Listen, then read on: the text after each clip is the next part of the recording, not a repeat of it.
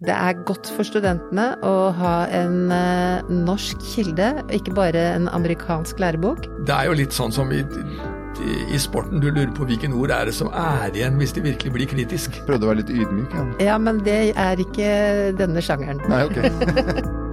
Fagbokpodden er laget i samarbeid med Gyldendal. I eh, Fagbokpodden i dag så har vi fått besøk av eh, to personer. Fordelen sett fra programleders side er selvfølgelig at titlene deres er helt like. De er eh, doktor Filos, professor ved Universitetet for sosiologi og samfunnsgeografi ved Universitetet i Oslo.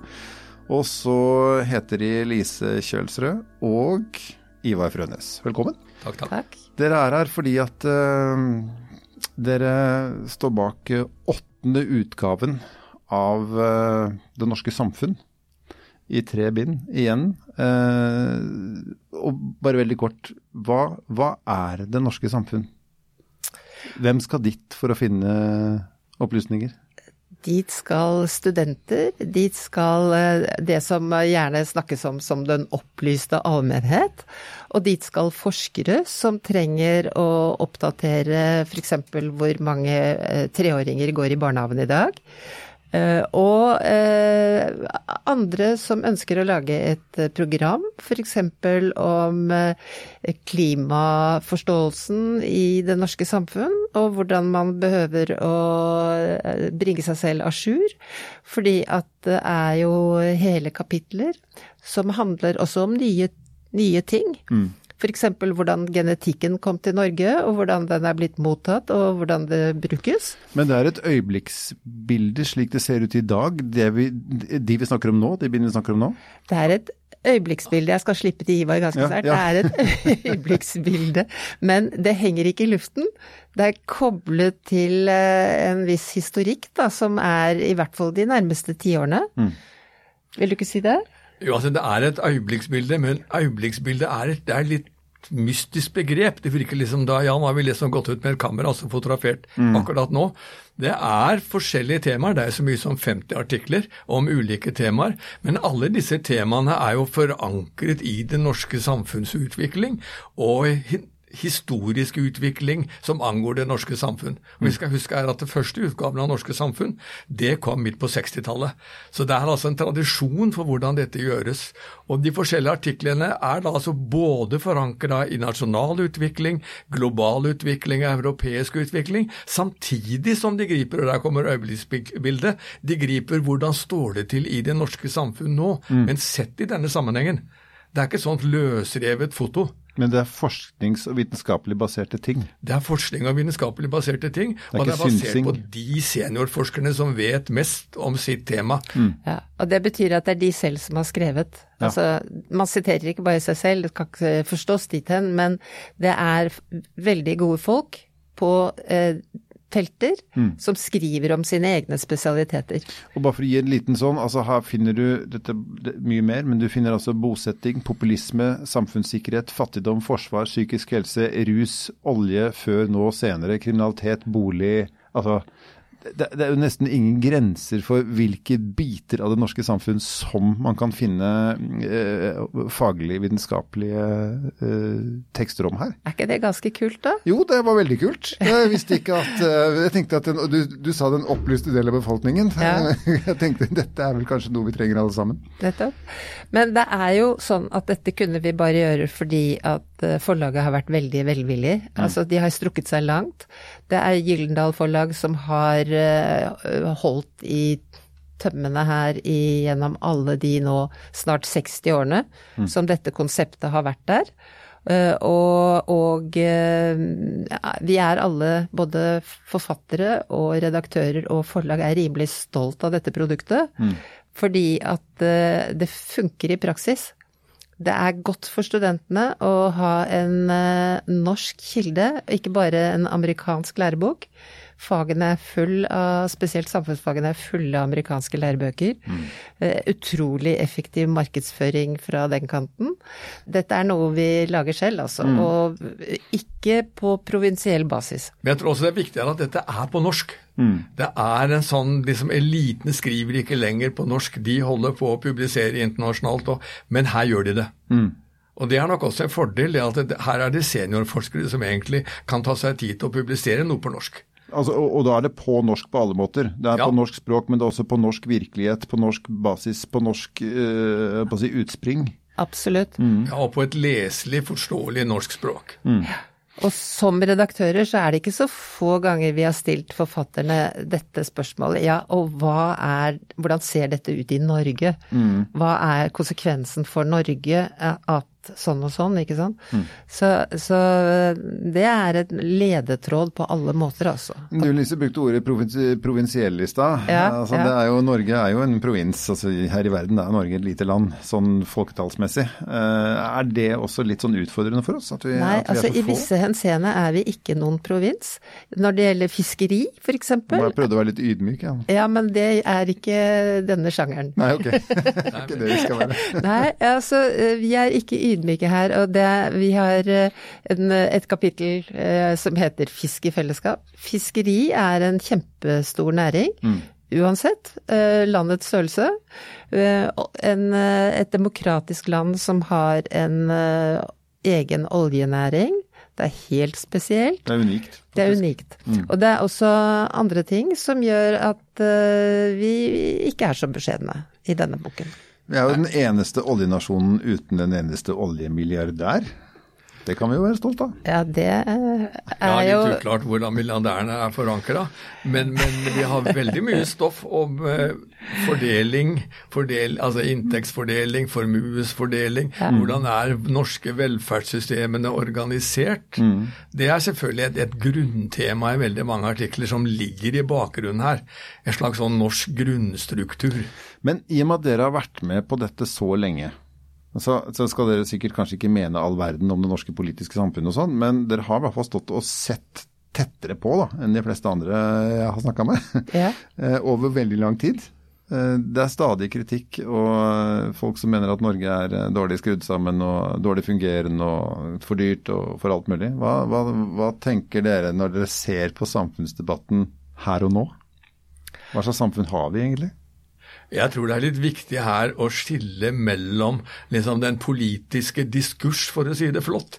Hvordan er det politikerne diskuterer? Ikke sant? Vi vet alle at det er rimelig stor politisk enighet i Norge, men det virker ikke sånn når du ser diskusjonene. Det er ikke noe borgerkrigsklart land. Nei, det kan være eh, Det er jo litt sånn som i, i sporten, du lurer på hvilken ord er det som er igjen hvis det virkelig blir kritisk.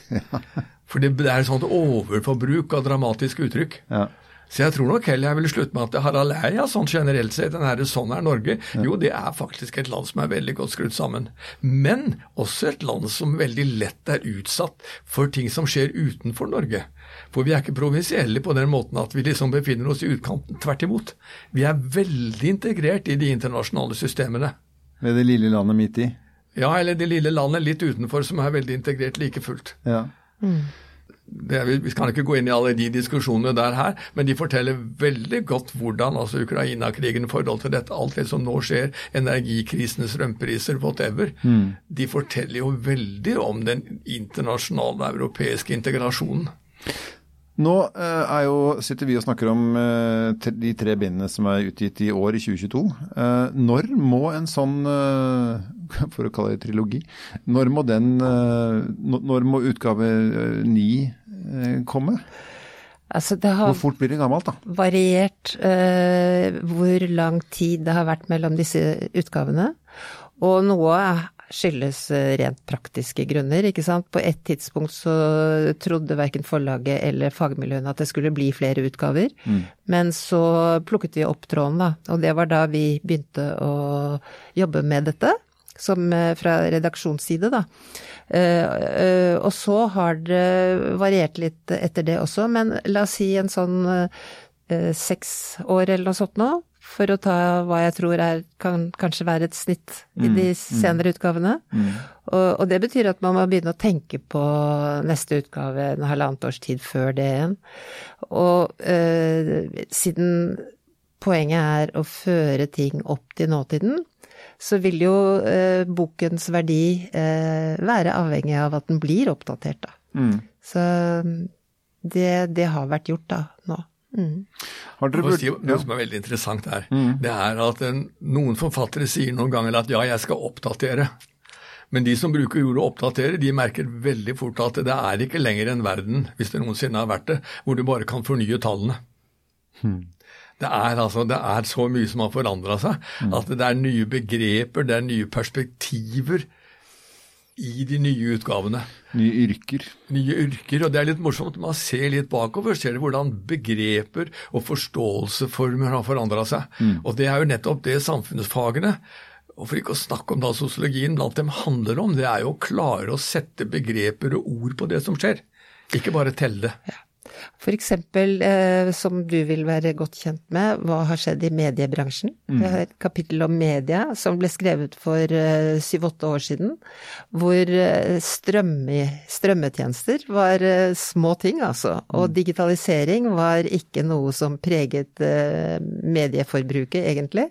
Og bare de to fenomenene har jo totalt endret hele det mediekapitlet. Ja, det har, jo, det har jo endret også, eh, i og med at du peker på meg og min bransje, så det har jo endret også bransjen totalt. Absolutt. Eh, hele, tenke, hele den gamle tenkningen var jo eh, teknologibasert. Ja. En fjernsynskanal, en radiokanal, en avis, sine trykkerier, sine sendernett, sine alt mulig. Og plutselig så jobber alle på samme plattformen, Ja. kalt internett. Så det er klart at det der eh, har mye å si. Ja, så det, med en gang man lager en ramme som heter media, og tenker seg at man skal si noe som treffer den norske realiteten innenfor den rammen, da eh, kommer alle disse endringene som er mer fundamentale enn man eh, tenker seg, de, de blir ganske tydelige, altså. Har dere noe Jeg skal ikke si krystallkule, for det driver ikke forskere med, men, men noe kikkert? Altså, er, hender det at dere liksom prøver å se framover og se hva, hva tror vi kommer til å skje? Når må vi oppgradere eh, neste gang, liksom? Altså, vi har jo overlatt i den enkelte artikkel, så er det den enkelte forfatter. Hvis noen ønsker å si liksom noe om mulige tendenser og utviklingstrekk, så gjør de jo det. Og det ligger innbakt en del sånne ting. Men eh, vi har ikke begynt å diskutere neste utgave nå, det tror jeg faktisk andre må gjøre. Ja. Nå er det neste generasjon til å overta dette her, og det er jeg helt overbevist om at det er noen som gjør. Ja. Ja, vi har ikke en kikkert, men vi har et vidsyn. Vi ber eh, forfatterne å tenke på eh, en viss eh, sånn eh, å, skjele til litt andre sammenlignbare land. Og det er ganske nyttig, da. Og spesielt i nordiske landene kan det være veldig eh, interessant å både se likheter og forskjeller i forhold til det. En ting jeg tenkte på nå, for dette, det første som slo meg når jeg begynte å lese om uh, dette, det var at uh, oi, hvis de hadde vært digitale 100% så kunne de jo fornyet hele tiden. Uh, alt kunne oppdateres hele tiden, og det du ikke har trykket, men som er digitalt, kan du bare mm. på. Men da ville du jo mista historien, som ligger bakover i alle de Ja. foregående utgavene. Og så er det en side av saken som vi ikke har snakket så mye om til nå, at vi forsøker jo å invitere forfatterne til å være ikke bare beskrivende, men også eh, litt forklarende. Så vi vil gjerne at det skal bli tydelig hvorfor ting er som de er, i hvert fall sånn i all hovedsak. Um, For eksempel hvis du skriver om velferdsstaten, så er det jo bak de ordningene som eh, vi alle har glede av, ikke sant, så ligger det jo beslutninger de, i Stortinget og på annen måte, og de beslutningene har sin begrunnelse. Og det er litt sånn eh, De har kommet til lag på lag. Og det som summerer seg opp til en serie rettigheter og plikter for den del, det er et eh, Hva skal vi si Det er sånn langvarig vev, da. Som, som eh, eh, Ja, hvis vi hadde en sånn oppdatering, så ville det kanskje eh, glippe litt i sammenføyningene av den veven. Ok, Ja. så du tenker at man er på en måte det er en slags transparens, transparens i å trykke det og si at ok, det får vi ikke gjort noe med, så nå tar vi nei, Ja. neste utgave, og så må dere på en måte skjøte mellom deg Ja. selv. Ja, litt sånn redaksjonsforståelsen også. At noen holder øye med at ikke hver enkelt forfatter sitter og tenker for seg selv, og så glemmer å se på helheten, og så er det ingen andre som heller ser det. I tillegg til at teknologisk sett så har ikke dette Dette har vært diskutert lenge. Jeg har vært med på det i andre sammenhenger for flere tiår siden og diskutere sånn stadig oppgradering av sånne rene fagkapitler. Men da har det vært teknologiske og andre ting som har gjort at det ikke er fullt så enkelt. Og her er det i tillegg dette at vi vil ha denne sammenhengen. Ja, nettopp. fordi folk har jo kasta leksikonene sine for lenge siden. Ikke sant? De er, er de facto utdatert. Eh, Mens her, er, ha, her har på en måte dette et helt annet poeng. Ja. Altså det at man etterlater seg det tidsbildet som var i 1975 da, f.eks. eksempel. Eh, og ikke har eh, endret det. 75 må være der som 1975. Ja. Ja. Så ja. For hvis man oppgraderer kontinuerlig, så vil det, som du sier, da vil jo dette forsvinne. Mm. Historien blir borte da. Historien blir borte, og redaktørblikket og oversikten blir borte. Og så er det Eller noe med at eh, eh, selv, om, uh, selv om dette er på en måte konsentrert og ordnet slik at man snakker om arbeidsmarkedet når man snakker om arbeidsmarkedet, så er det ganske mange ting som påvirker det arbeidsmarkedet. Og det står det noe om i andre kapitler, så det er kryssreferanser her. Det er også pekere i de forskjellige kapitlene, så arbeidsmarkedskapitlet som eh, viser til eh, kvinners eh, høye yrkesdeltakelse i Norge og hvordan den er endret over tid, har jo klare forbindelser til hvordan familiepolitikken har vært. Det er ganske interessant, altså. Eh, Og sånne ting ville vi fort kunne miste da, hvis vi ikke hadde en viss sånn redaksjonell kontroll på det. Eh, Altså, Ja, for det er jo, det er jo et uh, Kan man kalle det et verk, eller man kalle det en hub, eller hva skal vi kalle det for? vi liker å bruke ordet verk. Ja, da bruker vi ordet verk. Ja. Det er jo, det, og det er jo fort vekk også et oppslagsverk, Uh, der man kan gå inn ganske sånn spesifikt og finne noe som er godt fundert om noe. Absolutt. Eh, men også da, som du nå sier, da kunne koble det til sammenhengene det har sammenheng med. Ja. Det, Bare sånn, Det er jo også en hub i den forstand at folk lager jo nå sine egne bøker.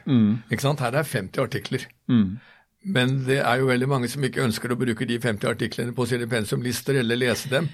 Og da kan de konstruere seg sin egen bok. ikke sant? Og da er det jo denne hub-funksjonen.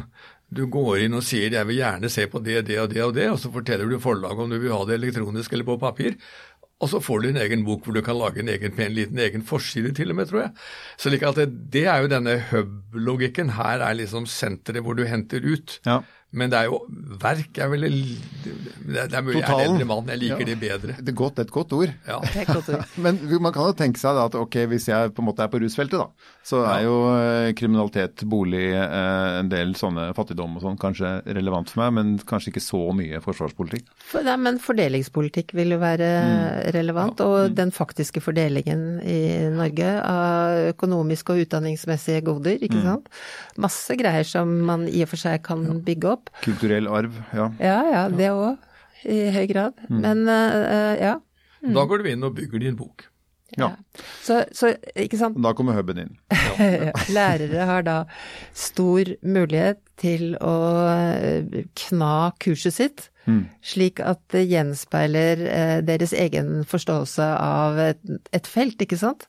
Så hvis du har et eh, kurs i avvikssosiologi, da, så kan du bygge opp eh, en portefølje av kapitler, så, og, og få det i en eget innbundet, altså heftet versjon, da. Eh, Men du Lisa har jo en sånn Jeg fant en liste på det her med gamle sånn faglige interesser. Ja. Eh, og der er jo kvinneforskning og fritid Fritid, ja. en del. Ja.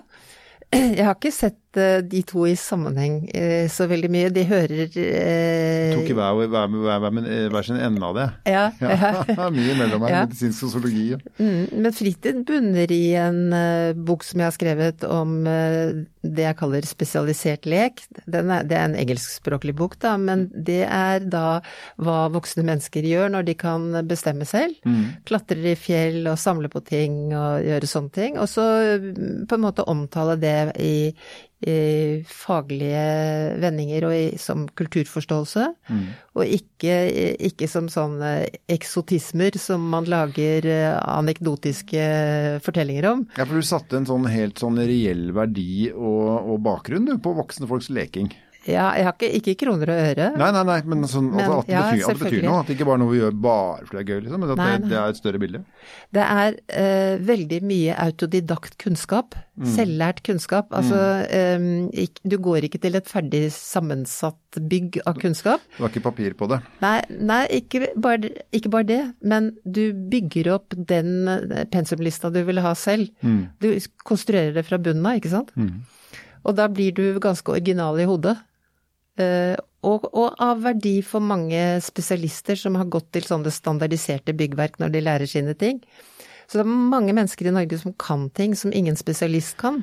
Der har jeg lyst til å gå over til Ivar, nemlig. fordi at når du får eh, hedersprisen, eh, Sosiologforeningens hederspris i 2020, så har du holdt på en stund. Eh, Og det har vært mye snakk om det Lise snakker om nå, om at det er mye kunnskap, men som ikke er formelt eh, målbar. Og at vi har mista gode mekanikere, vi har mista gode snekkere, vi har mista- vi har mista ganske mye. eh, Fordi at de ikke har riktig eh, label. Hva tenker en sosiolog som har holdt på så lenge som deg om, om en sånn utvikling? At, at, at re reell kunnskap faktisk ikke har noe verdi? Hvis vi holder oss til det norske samfunn, så skriver vi om generasjoner og utvikling og livsløp og hvordan verden forandrer seg. Og det er klart, i denne forandringen så er det jo nettopp altså hvordan visse institusjoner vinner fram. Slik at eh, nå er det jo ikke altså det er ikke bare at utdanning er kunnskap, utdanning er utdanning. Problemet for veldig mange ungdom, som også er understreket her i denne generasjonsforståelsen nå, det er at hvis du ikke lykkes til en viss grad i skolesystemet, så er du ute, da er du ute av det. Det du kan, har ikke noe verdi. Ja, altså, jo, nei, og du er ikke sikker du kan så mye heller, for du kommer ikke videre. Så hvis ikke du kommer deg gjennom grunnskolen på en rimelig måte, så får du problemer etterpå. Og det som engelskmennene kaller for NEAT, Not in Education, altså de som er utafor det hele, som verken er i opplæring, utdanning eller i arbeid, hvis du er der lenge, hvis du er der når du er 18-19 og blir værende litt til, da blir du værende. Og det er ikke nødvendigvis fordi at ikke du kunne ha lært deg noe hvis du kom i opplæring, men du kommer heller ikke i opplæring fordi at du er sjalta ut allerede i starten. Og dette er helt annerledes enn det var f.eks. da Nils Kristi skrev sin bok 'Hvis skolen ikke fantes'. Så var jo noe av ideen at alle unge lærte jo så veldig mye likevel. At de lærte veldig mye utenfor skolen. Og det gjør de fortsatt, men de er i mye større grad avhengig av skolen. Slik at utdanningssystemenes posisjon, altså forandringen der, fra å være noe du kan gjøre hvis du har interesse og er flink, til noe du må gjøre. Det er ikke så veldig lenge siden, f.eks. på 70-tallet, så var det jo enda sånn at det flesteparten av ungdommen i Norge ikke tok videregående skole. Og plutselig så måtte alle gjøre det. Og plutselig ble definisjonen av ikke ha tatt det, det var å være taper. Da er du utafor i kompetansesamfunnet. Og det, Med dette kunne vi diskutere i timevis. Hva gjør vi med det? Sannsynligvis helt andre ting enn å prøve å dra alle gjennom en videregående som blir mer og mer tekstorientert. Et av problemene våre nå i Oslo for eksempel, er nok det at vi har så lite norske håndverkere at vi heller ikke får håndverkerbarn. Nei, det er det. Vi, vi, vi er flinke til å definere behovet, men ikke til å tilfredsstille dem. Ja, altså Hvis du noensinne finner et håndverker som snakker norsk når du går forbi byggeplassen omkring, så er du veldig heldig. Du hørte Fagbokpodden, som er laget i samarbeid med Gyldendal.